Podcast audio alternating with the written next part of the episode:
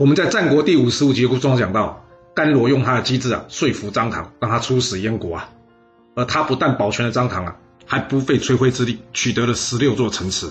从这里面你听出了什么吗？第一，千万别以为对手是小孩或是女人你就低估他。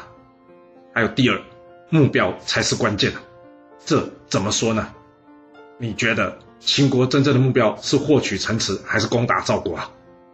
要是攻打赵国，那甘罗的建议能行得通吗？明白了吗？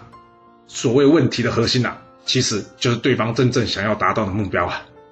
这目标或许只有一个，可是呢，前往这目标路却有很多条。千万不要将自己啊陷在一条路上，而放弃了去寻找其他道路的可能啊。今天十二岁的甘罗已经为我们好好的上了一课，不是吗？